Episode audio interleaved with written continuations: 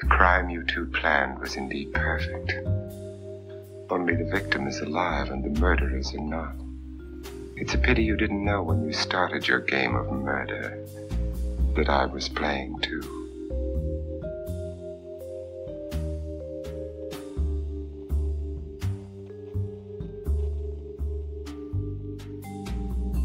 Stany Zjednoczone, rok 1924.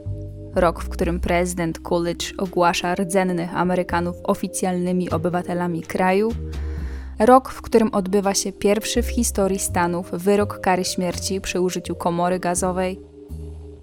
Rok, w którym głową FBI zostaje osławiony J. Edgar Hoover. W 1924 roku przeciętny Amerykanin za 8 tysięcy dolarów mógł kupić dom, a za 15 centów wysłać swoje dziecko na pierwszą w historii ekranizację Piotrusia Pana. Rok 1924 był ciekawym czasem dla świata kina.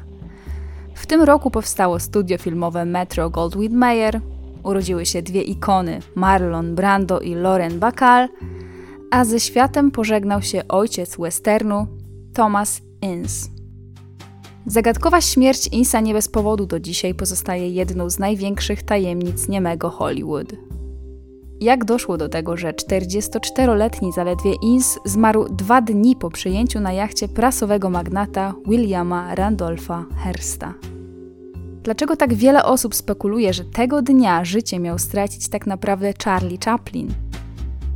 Nie bez powodu dzisiejszy odcinek nie jest oznaczony hasłem podcast kryminalny, bo trudno tę sprawę nazwać kryminalną. Nie ma tu krwi, śledztwa czy sądu.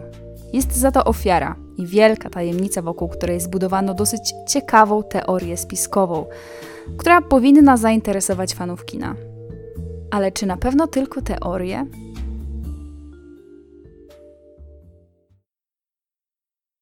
Szukając w Google informacji na temat życia Thomasa Insa, trzeba przebić się przez dziesiątki artykułów o jego śmierci. Dziś niestety mało kto pamięta, jak wiele ten człowiek dla kina dokonał. Mam nadzieję więc, że się nie obrazicie za krótką lekcję historii amerykańskiego kina. Żeby zrozumieć, jak istotna była śmierć Insa, musimy najpierw zrozumieć, jak istotny był Ins za życia. Thomas Harper Ince urodził się 16 listopada 1880 roku w Newport w stanie Rhode Island, jako syn dwójki angielskich imigrantów. Już od najmłodszych lat miał sporo do czynienia ze światem aktorstwa i szeroko pojętej sztuki. Jego ojciec, matka, siostra i dwóch braci wszyscy pracowali jako aktorzy teatralni. Nic więc dziwnego, że Thomas również poszedł w ich ślady i innego sposobu na życie nie znał. Miał 15 lat, kiedy zadebiutował na Broadwayu i dwadzieścia kilka lat, kiedy kino jako nowy rodzaj rozrywki zaczynało nabierać rozpędu. Na początku XX wieku pierwsze filmowe produkcje skupiały się w Nowym Jorku, czyli kolebce amerykańskiego teatru. Tam właśnie mieszkał Ince. Pierwsze filmy były bardzo tanie w produkcji i były głównie atrakcją lunaparków, taką tanią rozrywką dla miejskiej biedoty. Dopiero po kilku latach stworzono specjalnie do tego przeznaczone stałe miejsca, takie prototypy kin. Ci, którzy mieli żyłkę do interesów, szybko zorientowali się, że w tej taniej w tworzeniu rozrywce leżą spore pieniądze.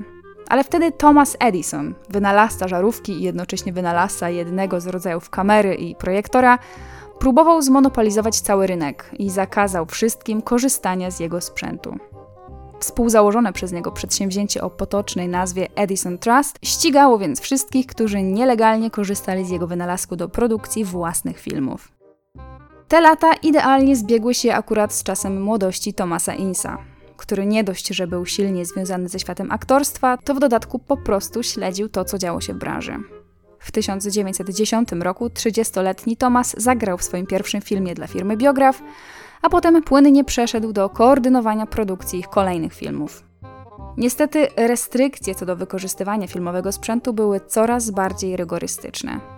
Zakochany w filmach zabrał więc żonę i synów na przeciwległe wybrzeże Stanów do Hollywood. Tam kino rozkręcało się na nowo, a właściwie to rozkręcało się w ogóle od początku. Większość nowojorskich producentów uciekała właśnie do Kalifornii. Z jednej strony byli więc daleko od trustu, a z drugiej strony mieli dostęp do naturalnego światła. A światło było dla pierwszych produkcji, kręconych głównie w planerze, no szalenie istotne. Thomas Ince już na początku zakochał się w tworzeniu historii o dzikim zachodzie. Wynajął więc wielkie rancho, w którym kręcił swoje pierwsze westerny. W ciągu dwóch lat zarobił na filmach tyle, że mógł to rancho kupić. Przestrzeń, która rozciągała się na ponad 70 km2, służyła jako doskonałe miejsce na masowe produkowanie westernów. Miejsce to nazwano po prostu Ainsville. Tak powstało pierwsze tego typu studio filmowe w Hollywood, a raczej wtedy jeszcze Hollywood Land. Ins zbudował tam takie mini miasteczko i chociaż dla nas to może się wydawać nic dziwnego, to dla ówczesnych twórców to była prawdziwa rewolucja. Na terenie Innsville mieściły się biura produkcyjne, drukarnie, budynki, które służyły jako scenografia, pracownicza stołówka, magazyny z rekwizytami i wielkie garderoby. Wszystko w jednym miejscu. A im więcej Thomas zarabiał, tym bardziej to rozszerzał, dzierżawiąc coraz większy teren. Budował na tym terenie m.in. japońską wioskę, burty statków czy kawałek architektury Szwajcarii. Jako dyrektor tego przybytku miał pod sobą producentów, reżyserów, scenarzystów, montażystów i aktorów, ale sam nad wszystkim sprawował pieczę. Sprawdzał każdy scenariusz, doglądał każdego planu i generalnie miał wpływ na to, jak prezentował się właściwie każdy film produkowany w jego wytwórni. Chociaż większość z jego produkcji się nie zachowało, to mówi się, że w ciągu 14 lat stworzył ponad 800 filmów. Do tego, w przeciwieństwie do wszystkich innych filmowych twórców, Insowi zależało na autentyczności. Jeśli potrzebował kogoś do odegrania postaci Indianina, to zatrudniał rdzennego Amerykanina, a jeśli potrzebował kogoś do odegrania postaci czarnoskórej, to nie malował na czarno-białego aktora, jak to inni mieli w zwyczaju, a po prostu zatrudniał osobę czarnoskórą. W ciągu kilku lat stał się jednym z najpotężniejszych ludzi świata kina – jego firma Thomas Ince Studios, również z wielkim terenem i kilkudziesięcioma budynkami, była jednym z obowiązkowych punktów wycieczek dla prezydentów i królów z całego świata. Współpracował i tworzył spółki z największymi szechami Hollywood, wynajmował swoje tereny dla innych twórców. I właśnie w 1924 roku postanowił część swojego studia wynająć Williamowi Randolphowi Hearstowi, który planował właśnie przenieść z Nowego Jorku do Hollywood produkcję filmów tworzonych dla jego firmy Cosmopolitan Productions. Jeśli ktoś z Was mniej więcej kojarzy postać Hersta, to być może zdziwił się, co Hearst miał wspólnego z robieniem filmów. Ano miał, chociaż głównie pamiętamy go dzięki jego imperium prasowym. William Randolph Hearst u mnie też się już pojawił. Dokładnie to w podcaście o porwaniu jego wnuczki, Patty Hearst. Wspomniałam też o nim w odcinku o Fatim Arbaklu, któremu to Hearst zniszczył karierę zaledwie 3 lata wcześniej. Dzisiaj jednak Hearst będzie jedną z głównych postaci opowieści. Cofnijmy się więc w czasie na chwilę jeszcze raz a dokładnie to do 1887 roku, kiedy to 24-letni William przejmuje zarządzanie gazetą swojego ojca San Francisco Examiner. Mm, ale dlaczego ojciec miałby tak po prostu oddać synowi tytuł, nad którym pracował 7 lat? W dodatku synowi, który kilka lat wcześniej został wydalony z Harvardu za alkoholowe wybryki i obrażanie profesorów? Ano jego ojciec, George Hearst, był właścicielem kopalni złota, senatorem Stanów Zjednoczonych, zarabiał miliony, a gazetę dostał jako spłatę długu. Myślę więc, że jakaś podrzędna gazecina, a taką właśnie gazetą było wtedy San Francisco Examiner, to było raczej miejsce dla jego syna na poćwiczenie zarządzania i przedsiębiorczości. Ale ku zaskoczeniu ojca okazało się, że William ma łeb na karku. Szybko pozyskał najbardziej utalentowanych pisarzy i dziennikarzy z tamtych czasów, między innymi podobno Jacka Londona i Marka Twaina. W swojej gazecie nie stronił od polityki i obnażania nieudolności władzy, miejskiej korupcji i atakowania prywatnych przedsiębiorców. Nie minęło kilka lat, a tytuł Williama zdominował rynek w San Francisco. Ale Hearst był wizjonerem. Od razu wyobrażał sobie siebie jako magnata prasowego, który ma pod sobą wiele tytułów w całym kraju. No i co tu dużo mówić, w sumie to tak się stało. Po śmierci ojca postanowił kupić New York Morning Journal i zdominować Nowy Jork. Płacił dobrze, dużo lepiej niż konkurencyjny Pulitzer, więc wszyscy najlepsi dziennikarze chcieli pracować u niego. To właśnie w Nowym Jorku zaczął eksperymentować z formą przekazywania wiadomości prasowych.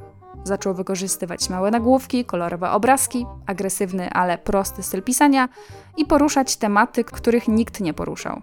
Plotki, skandale, przestępstwa, ciemną stronę polityki, czyli tak naprawdę to wszystko, co interesowało ludzi. Jeśli coś nie budziło emocji, to nie miało prawo znaleźć się w numerze. Otwierał kolejne gazety w niemal całym kraju. Na początku lat 20. miał już m.in. Los Angeles Examiner, Washington Times, magazyn Cosmopolitan czy Harper's Bazaar. No szycha. Chociaż początkowo miał bardzo lewicowe poglądy, to po I wojnie światowej stopniowo stawał się bardziej konserwatywny. Promował izolacjonistyczną politykę Stanów i stał się zaciekłym antykomunistą. Ci, którzy go znali, wspominali go jako bardzo nominującego.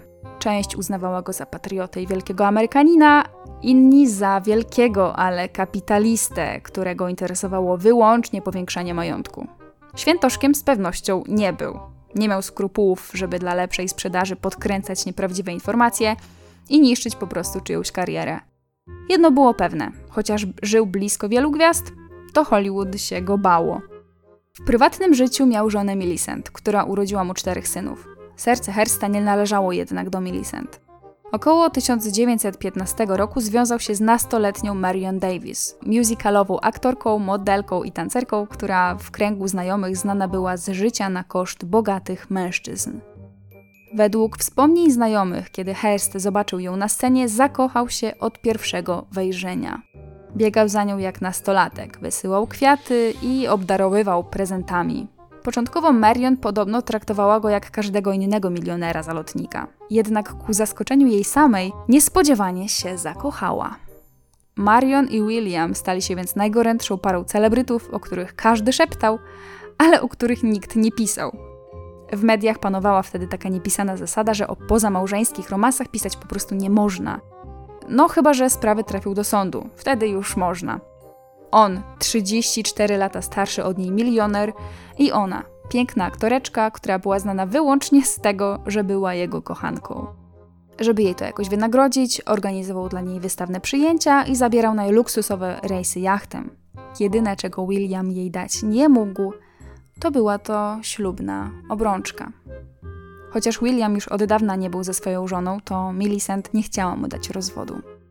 Hearst postanowił jednak, że da Marion najważniejszy prezent. Zrobi z niej gwiazdę przez duże G. On już był aktywnie zaangażowany w produkcję filmów. Miał w Nowym Jorku firmę dystrybucyjną, studio animacji i wytwórnię filmową. Wystarczyło tylko stworzyć doskonałą historię, zatrudnić najlepszych filmowców, w roli głównej obsadzić utalentowaną Marion, a ona stałaby się rozpoznawalną aktorką w całym kraju. Ale Hearst postanowił pójść inną drogą. Zamiast tego we wszystkich swoich tytułach rozpoczął głośną medialną kampanię, która zachwalała Marion Davis jako aktorkę genialną. Filmy, nieważne czy udane czy nie, ogłaszał jako arcydzieła kinematografii. W każdej swojej gazecie zamieszczał ogromne promocyjne plakaty. Żeby pomóc w rozwoju jej kariery, kupił jej rezydencję w Los Angeles i rozpoczął negocjacje o przeniesieniu produkcji jego filmów właśnie na zachodnie wybrzeże, czyli tam, gdzie hollywoodzkie gwiazdy rozsiane były najgęściej. I tutaj zbiegają nam się wreszcie historie Thomasa Insa i Williama Hersta. W listopadzie 1924 roku obaj panowie byli o krok od podpisania wielkiego kontraktu. Inns miał udostępnić Herstowi teren swojego studia, by Marion Davis mogła spokojnie grać tam w filmach. Biografia Insa mówi też, że Hearst chciał dołączyć do Stowarzyszenia Producentów Filmowych, których członkiem i założycielem był właśnie Ins. Biografia Chaplina z kolei mówi, że Hearst chciał przekazać Insowi część udziałów w swojej wytwórni. Inne źródła z kolei mówią, że Ins miał nakręcić film na podstawie opowiadania z magazynu Hearsta. A jeśli film okaże się sukcesem, to zostaną wspólnikami. Jak w końcu było naprawdę? Nie wiem. Jakieś poważne interesy były z pewnością omawiane. W typowy dla siebie sposób zawierania biznesowych transakcji Hearst zaprosił swojego przyszłego wspólnika na weekendowy rejs z San Pedro do San Diego na swoim luksusowym jachcie Oneida. Miało to być nie tylko przypieczętowanie kontraktu, ale też taki wyjątkowy sposób na świętowanie urodzin Insa.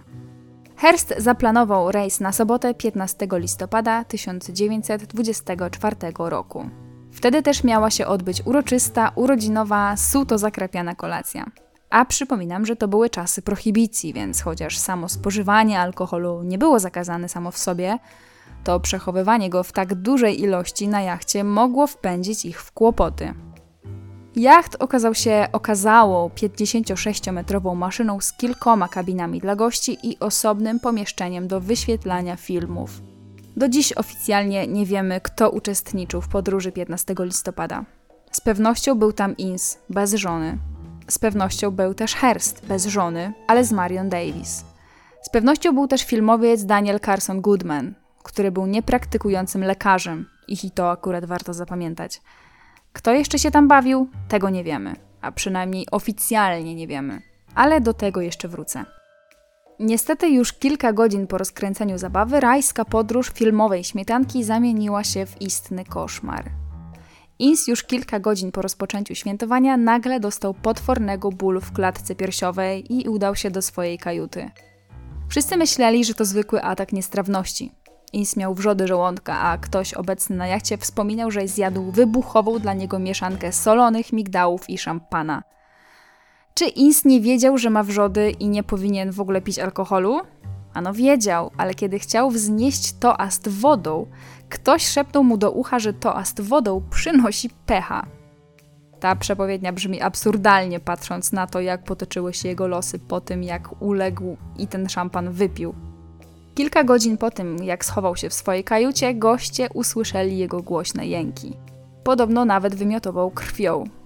Trzeba było działać szybko. Dr Goodman zdiagnozował zawał serca. Wsadził Insa na taksówkę wodną i razem popłynęli do San Diego, a stamtąd pociągiem do Los Angeles. Tyle, że w czasie tej podróży stan Insa pogorszył się jeszcze bardziej. Kiedy pociąg zatrzymał się w Del Mar, Goodman zabrał go do miejscowego hotelu i zadzwonił po jego żonę. W hotelu Goodman powiedział lekarzowi, że Ins wypił, tutaj cytuję, znaczną ilość alkoholu. Stamtąd Nell, żona Insa, odebrała go i pociągiem przetransportowała do domu w Beverly Hills. Cała ta szalona podróż trwała dwa, słownie dwa dni. Następnego ranka, 19 listopada, Thomas Ins miał podobno drugi atak i zmarł. Nell wspominała potem, że Thomas był leczony w tym czasie z powodu bólu w klatce piersiowej spowodowanego dławicą piersiową. Zajmujący się nim lekarz dr Glasgow podpisał akt zgonu, wpisując jako przyczynę niewydolność serca spowodowaną atakiem ostrej niestrawności. Nie mam pojęcia, czy to jest możliwe, nie jestem lekarzem i powołuję się tutaj tylko na źródła.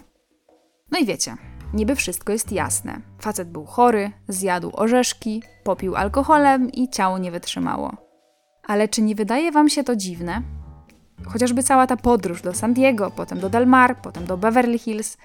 Ins nie trafił do szpitala, chociaż jego objawy wyraźnie wskazywały na atak serca. Wiem, że to były lata dwudzieste, ale bez przesady. Szpitale sprawnie działały i na pewno pomogłyby mu bardziej niż jakiś niepraktykujący znajomy Hersta, który zamiast dać mu odpocząć, to zabrał go w szaloną tułaczkę po pociągach. Ale to jeszcze nie koniec podejrzanych aspektów tej sprawy. Pamiętajmy, że tutaj nagle zmarła bardzo popularna, poważana w świecie Hollywood osoba. To nie był trzeciorzędny statysta, ale poważny producent. Ta sprawa musiała być głośna. I owszem, była. Ale gazety Hersta, a miał ich przecież wiele, informowały o śmierci Insa całkowicie pomijając aspekt podróży na jachcie Hersta. Nie było o tym ani słowa. Po prostu Ins zmarł na niewydolność serca w swoim domu w Beverly Hills. No to oczywiście konkurencja Hersta, jednocześnie doszukując się prawdy i jednocześnie próbując dobiec Herstowi, zaczęła snuć przypuszczenia. Dotarli do informatorów, którzy anonimowo potwierdzili, że w niedzielę Ins był widziany na pokładzie jachtu Hersta. Pierwsza strona porannego Los Angeles Times krzyczała głośno: producent filmowy uśmiercony na jachcie Hersta ale wydanie wieczorne tej rewelacji już nie zawierało. Czyżby ktoś dostał kulturalny, grzeczny telefon w cudzysłowie od kogoś z firmy Hersta? Niektórzy pisali nawet, że Ins nie zginął na żadnym jachcie, ale w zamku Hersta w San Simon. Bo Herst na ranczu odziedziczonym przez ojca rozpoczął budowę olbrzymiego zamku. Na jego terenie były nie tylko cztery okazałe budowle, ale też ogrody, prywatne lotnisko, kilka basenów, a nawet zoo. Polecam sobie wygooglować. Kilka tygodni wcześniej w gazetach Hersta pojawiła się wzmianka o tym, że Ins i jego żona gościli Hersta w San Simon. no to konkurencja sobie dopowiedziała. Inns na 100% został zamordowany w zamku w Saint-Simon. Inne gazety z kolei pisały, że Inns owszem zmarł na jachcie, ale nie na jachcie Hersta, ale na swoim własnym jachcie. Gazety Hersta dalej uparcie nie łączyły go w żadnym stopniu z tą sprawą. W dodatku świadkowie nabrali wody w usta. Nie wiadomo było, kto był na tym jachcie poza Herstem i Insem. Marion Davis też się nie wypowiadała. Nie było absolutnie kogo przepytywać. Konkurencja i wielu czytelników, a raczej większość czytelników, nabrało więc podejrzeń, że rzeczywiście, skoro wszyscy milczą, no to musiało się coś na tym jachcie wydarzyć. 20 listopada konkurencyjny Herstowi Los Angeles Times opublikował jednak nekrolog Insa. Przyczyna śmierci choroba serca oraz pogorszenie stanu zdrowia po wypadku samochodowym, do którego doszło kilka lat wcześniej. Już następnego dnia odbył się pogrzeb Tomasa. I tutaj źródła są trochę rozbieżne. Według niektórych Thomas Ince był skremowany, w dodatku skremowany nielegalnie, przed zrobieniem sekcji zwłok.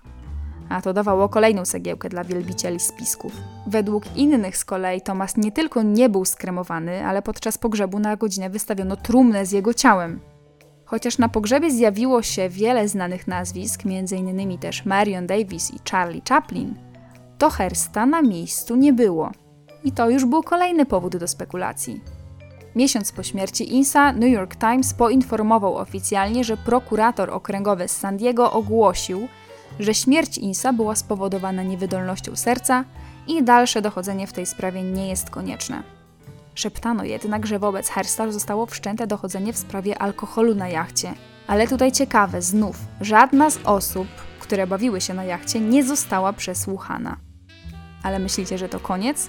No nie. Teorii na ten temat było sporo. Tą najpopularniejszą Wam teraz przedstawię. Żeby to miało sens, muszę jednak wprowadzić do tej opowieści jeszcze dwie postaci.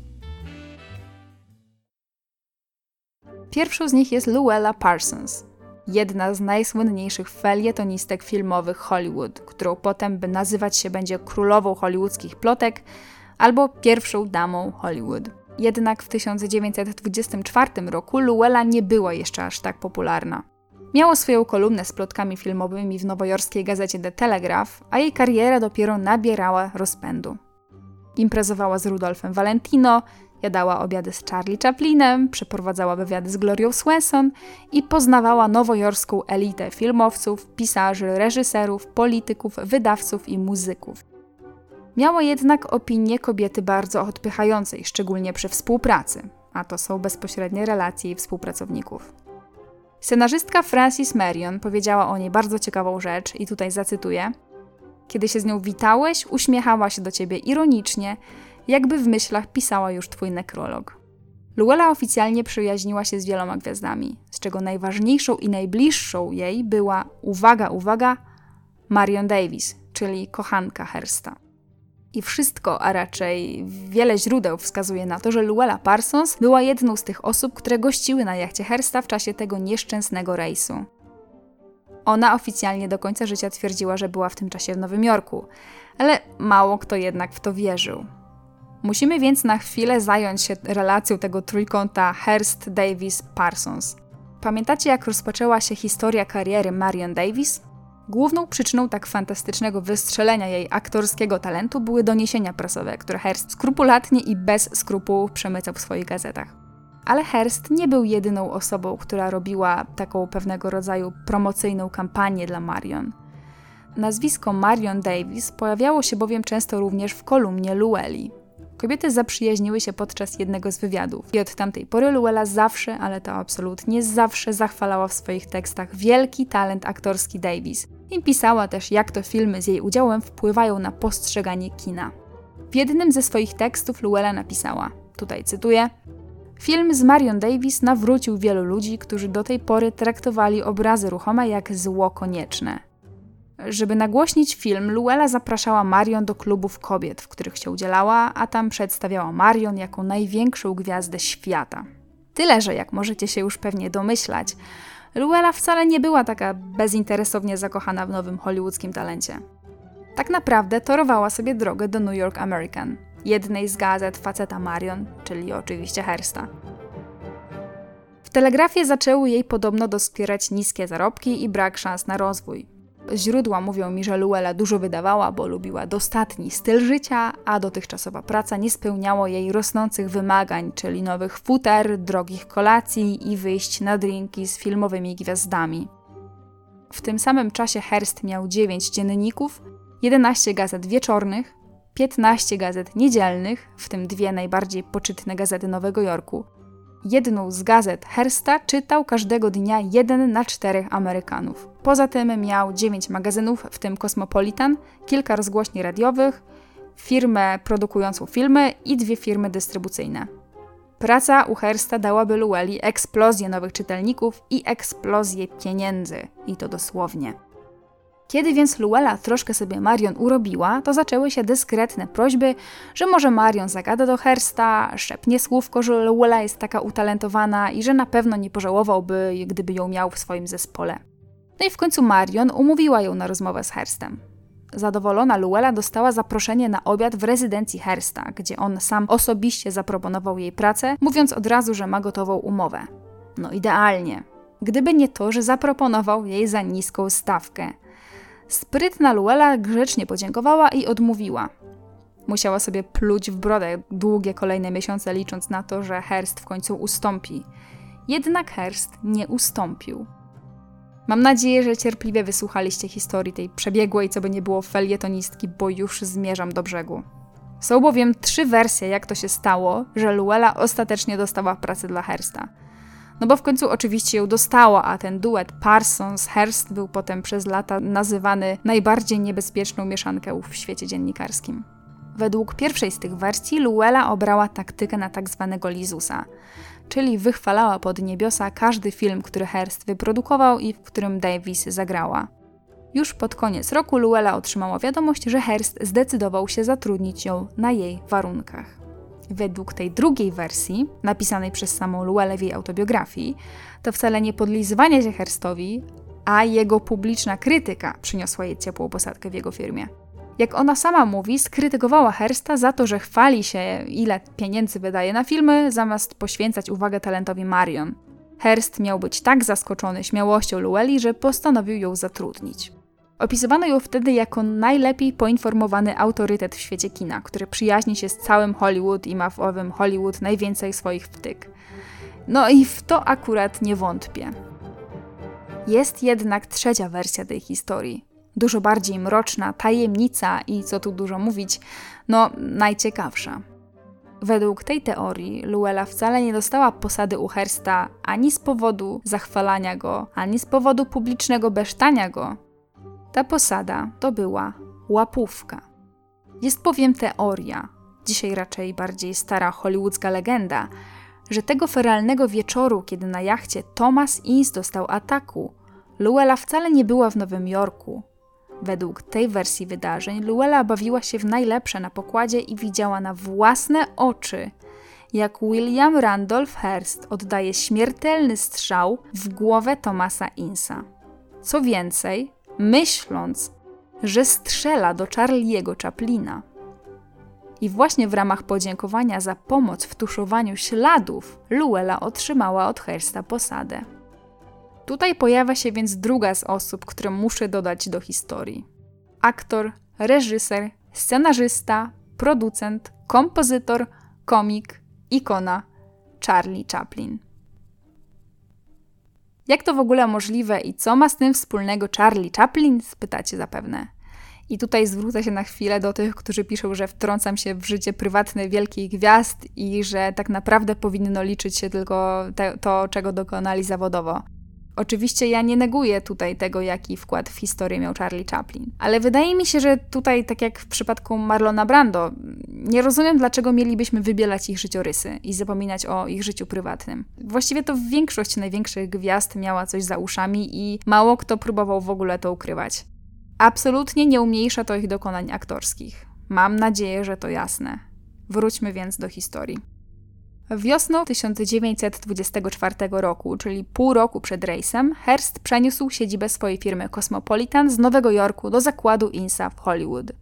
Hearst i Marion natychmiast przynieśli się więc do Hollywood i kupili, a raczej on kupił jej, dom w Beverly Hills.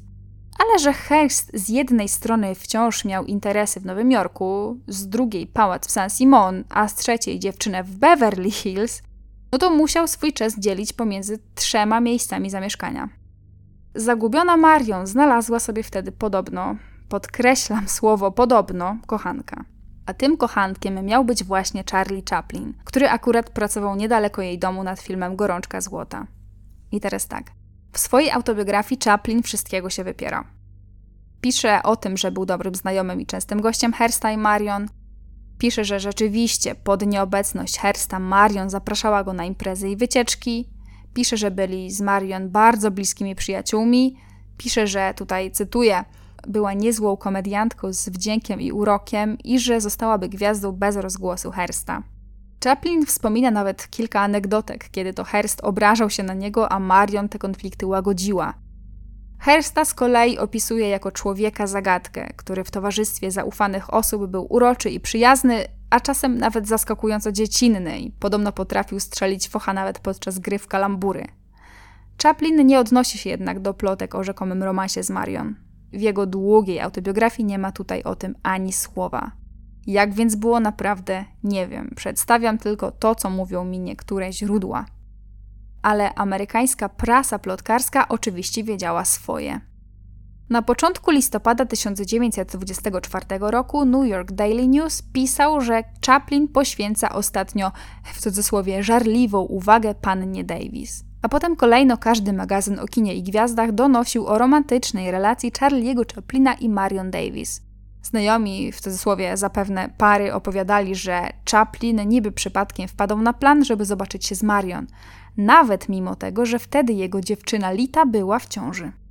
Marion miała w tamtym czasie 27 lat, Hearst 61, a Charlie Chaplin 35. Miał już na koncie między innymi głośne filmy Brzdąc, Pielgrzym i Paryżanka, założoną kilka lat wcześniej niezależną firmę dystrybucyjną United Artists i mały skandal obyczajowy. Kilka lat wcześniej, żeby uniknąć kontrowersji, ożenił się z 16-letnią aktorką Mildred Harris, która była z nim w ciąży. Niestety ich syn zmarł trzy dni po narodzinach, a para rozstała się dwa lata później.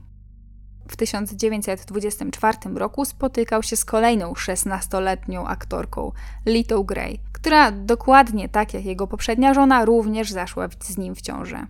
Prasa więc pisała: Charlie Chaplin, Shake Hollywood, musi rozdzielać swoją uwagę pomiędzy dwie młode panny. Jedną jest jego urocza główna dama Lita Gray, a druga to Marion Davis, gwiazda Cosmopolitan. Chaplin i Davis byli razem na kilku przyjęciach tanecznych, między innymi na imprezie halloweenowej w Baltimore. Rzekoma przyjaciółka Marion wyznała prasie, że aktorka zorganizowała z Chaplinem wyjazd na weekend, ale dowiedział się o tym William. Wysłał za paru swojego szpiega, który sprowadził Marion z powrotem do domu. I coś było na rzeczy z tym szpiegiem, bo nawet Chaplin w swojej autobiografii przyznaje, że ktoś z polecenia Hersta śledził Marion, a potem doniósł mu wszystko, co robi. Chaplin tłumaczy jednak, że Hearst śledził Marion tylko dlatego, że ona lubiła głośne imprezy i często urządzała alkoholowe pikniki na plaży. Hearst sam tej sprawy nigdy nie skomentował. Oczywiście jego gazety na ten temat też milczały, ale tylko te jego gazety. Wróćmy więc do sytuacji na jachcie. Według tych samych informatorów, którzy przekonują, że na jachcie bawiła się Luella Parsons, bawił się tam również właśnie Charlie Chaplin. Według doblerki Marion Very Burnett, która dopiero po latach przyznała się do tego, że była na jachcie, w imprezie uczestniczyło dużo więcej osób. Między innymi był tam sekretarz Hersta, dwie siostry Marion, projektantka kostiumów Gretel Urban, aktorka Eileen Pringle, tancerz Theodore Koslow, scenarzystka Elinor Glynn, aktorka Sina Owen oraz aktorka pracująca dla Insa Margaret Livingston, która była jego rzekomą kochanką. Wszyscy doskonale się bawili, gdy nagle rejs zamienił się w koszmar. Według jej wersji wydarzeń zazdrosny Hearst nakrył Marion Davis i Charlie'ego Chaplina dobrze bawiących się na pokładzie i w furii go zastrzelił. Niestety okazało się, że tą osobą nie był Chaplin, a właśnie Ins, który dla zabawy podobno założył charakterystyczny kapelusz Chaplina. Aktorka twierdziła, że całe to zdarzenie widziała właśnie Luella Parsons. Obiecała więc Herstowi pomoc w tuszowaniu śladów. W zamian za to Hearst miał jej obiecać dożywotnią posady w jednej z jego gazet. Cała reszta imprezowiczów została zastraszona, by nigdy nikomu nic nie mówić. I nie mówili. No, poza tą jedną osobą. Żaden z gości nigdy nie został przesłuchany przez policję czy prokuraturę. W sprawie śmierci Insa nie wszczęto żadnego dochodzenia. Ale wszczęto je w sprawie nielegalnego alkoholu. Ale tutaj też nikt nie został przesłuchany. Nikt też z obecnych na jachcie nie wypowiadał się w prasie. Nikt. Prokurator okręgowy stwierdził tylko, ponieważ istnieją wszelkie dowody, by sądzić, że śmierć Insa nastąpiła z przyczyn naturalnych, to nie ma powodu, dla którego należałoby wszcząć dochodzenie. Niewiele osób naprawdę w to wierzyło. Jednak Vera Burnett nie była jedyną osobą, która wyznała coś nietypowego na temat rejsu. Lokaj Chaplina, a przypominam, że oficjalnie Chaplina nie było na rejsie, powiedział swojej żonie, że widział Insa, który był wynoszony z motorówki na noszach. Według niego głowa Insa krwawiła od rany postrzałowej. Historia szybko rozprzestrzeniła się wśród japońskich pracowników domowych w całym Beverly Hills. Inni słudzy, którzy pracowali na pokładzie statku, szeptali, że Hearst zastrzelił Insa po tym, jak przyłapał Marion właśnie z Insem. Potem plotka nabrała rozpędu. Wśród hollywoodzkiej służby plotkowano a to, że Hearst zastrzelił Insa, bo pomylił go z Chaplinem, a to, że Ins rozdzielał szarpiących się Hearsta i Chaplina i dostał przypadkiem, a to, że Hearst w ogóle go nie zastrzelił, ale otruł, a w innych wersjach zadźgał go szpilką do kapelusza. Wszystkie z tych teorii, jak jeden mąż, jako oprawcę, stawiają Hersta. Wśród opinii publicznej wątpliwości budziły nie tylko te doniesienia, ale też szybkie skremowanie zwłok, milczenie Hersta, brak śledztwa i brak jakichkolwiek świadków. W ciągu następnych miesięcy, a potem i lat, wydarzenie z jachtu Hersta obrosło w namiarę najsłynniejszej hollywoodzkiej legendy miejskiej. Każdy coś tam wiedział, ale nikt nie wiedział niczego na pewno. Czy te plotki miały w sobie jakieś ziarno prawdy? Prasa zauważyła na przykład, że Nell, wdowa po Tomasie, nagle stała się w posiadaniu luksusowych apartamentów, które do swojej śmierci wynajmowała gwiazdom filmowych. Zanotowano też, że krótko po śmierci Tomasa na kilka miesięcy uciekła do Europy. Dziennikarze, którzy usiłowali dowieść zamieszania w sprawie Lueli Parsons, przekobywali jej życiorys. Okazało się, że tak naprawdę Hearst zatrudnił ją pod koniec 23 roku, czyli w momencie zdarzenia już pracowała dla niego od kilku miesięcy. No to podejrzany zaczął być jej rzekomy kontrakt z Herstem. Kontrakt, który gwarantował jej zatrudnienie aż do emerytury, czyli taki powiedzmy dożywotni kontrakt. A to raczej nie było aż tak typowe. Znajomi Hersta z kolei wspominali, że nie można było przy nim choćby wspomnieć nazwiska Thomas Ince. D.W. Griffith, czyli jedna z największych postaci kina niemego, powiedział po śmierci Insa: Jeśli chcesz, żeby Hearst stał się biały jak duch, wystarczy wspomnieć nazwisko Insa. W tej sprawie jest zbyt wiele elementów, które się nie zgadzają, ale Hearst był zbyt grubą rybą, żeby można go było ruszyć. Przyznam, że to już jest dla mnie zadziwiające. To oznacza przecież, że nie tylko fani teorii spiskowych podejrzewali Hersta o zamieszanie w sprawie śmierci Insa, ale też ważne postaci kina. Tyle, że nawet największa konkurencja Hersta, czyli Los Angeles Times, nie mogła znaleźć żadnych brudów na Hersta. Dziennikarz Los Angeles Times przepytał kierowcę motorówki, personel, który opiekował się nim przed śmiercią i koronerów. Nikt nie wspomniał o czymkolwiek podejrzanym. Nell Ince, czyli wdowa po Tomasie, mówiła dziennikarzom, tutaj zacytuję, czy myślicie, że gdybym podejrzewała, że mój mąż padł ofiarą tak nikczemnej intrygi, nic bym z tym nie zrobiła? Co więcej, Nell wypowiedziała się też w sprawie szybkiej kremacji jego ciała. Mówiła, że uzgodnili to z Tomasem dużo wcześniej. Chociaż tak szybkie skremowanie było właściwie nielegalne, to w tamtych czasach koroner wcale nie musiał być nawet lekarzem. To było typowe polityczne stanowisko. Menadżer ze studia INSA przyznał z kolei, że przed kremacją ciało Tomasa widziało dwóch policjantów z Los Angeles. Żaden nie zanotował śladów jakiejkolwiek zbrodni. Rzekome apartamenty, których posiadaniu nagle stała się Nell, też nie były niczym dziwnym. Późniejsi dziennikarze chyba zapomnieli, jak zamożny był Thomas Ince. Nell była w posiadaniu tych mieszkań na długo przed jego śmiercią. William Hearst, owszem, miał coś do ukrycia – Prasa jeszcze wtedy o tym nie wiedziała, ale w czasie śmierci Insa toczyło się wobec niego śledztwo za nielegalny handel alkoholem i przewożenie go drogą morską. Być może dlatego tak usilnie próbował odciągać uwagę odbiorców od jego jachtu. Jak się okazało, z nieco odwrotnym skutkiem. Taki efekt Barby Streisand, zanim Barba Streisand przyszła na świat. Biograf Insa mówi też, że Hersta nie było na pogrzebie tylko dlatego, żeby nikt nie łączył go przypadkiem z romansem z Davis, bo przypominam, że Hearst miał oficjalnie cały czas żonę. Sam Hearst o tej sprawie wypowiedział się tylko raz i to po latach. Pewien dziennikarz pewnego razu wprost zapytał go o tę plotkę. Hearst odpowiedział wtedy, że jest niewinny śmierci Isa, tak samo zresztą jak wszyscy inni. Prawda jest taka, że Thomas Ince miał problemy zdrowotne i wszyscy jego znajomi i współpracownicy o tym wiedzieli. Kilka lat wcześniej miał wypadek samochodowy, w którym doznał urazów narządów wewnętrznych. W dodatku ciężko pracował, co tylko pogłębiało dolegliwości związane z wrzodami. Znajomi z planów wspominali, że nie raz, nie dwa byli świadkami jego ataków niestrawności. W lipcu kolejnego roku Thomas planował z żoną długie wakacje w Europie. I tak naprawdę Nell wcale nie uciekła z kraju tuż po jego śmierci, ale siedem miesięcy później wyjechała na zaplanowany przez nich wyjazd. Śmierć Tomasa Insa chyba na zawsze pozostanie już jedną z najbardziej tajemniczych zagadek z tego starego Hollywood. Do dziś nie wiemy nawet, gdzie są pochowane jego szczątki. I niestety do dziś nie pamięta się go ze względu na ogromny wkład w rozwój kina, ale głównie ze względu na jego zagadkową śmierć. Jego studio zostało sprzedane wkrótce po jego śmierci, a jego ostatni film został wydany pośmiertnie w 1925 roku. Tydzień po śmierci Thomasa Insa Charlie Chaplin ożenił się z Litą Gray.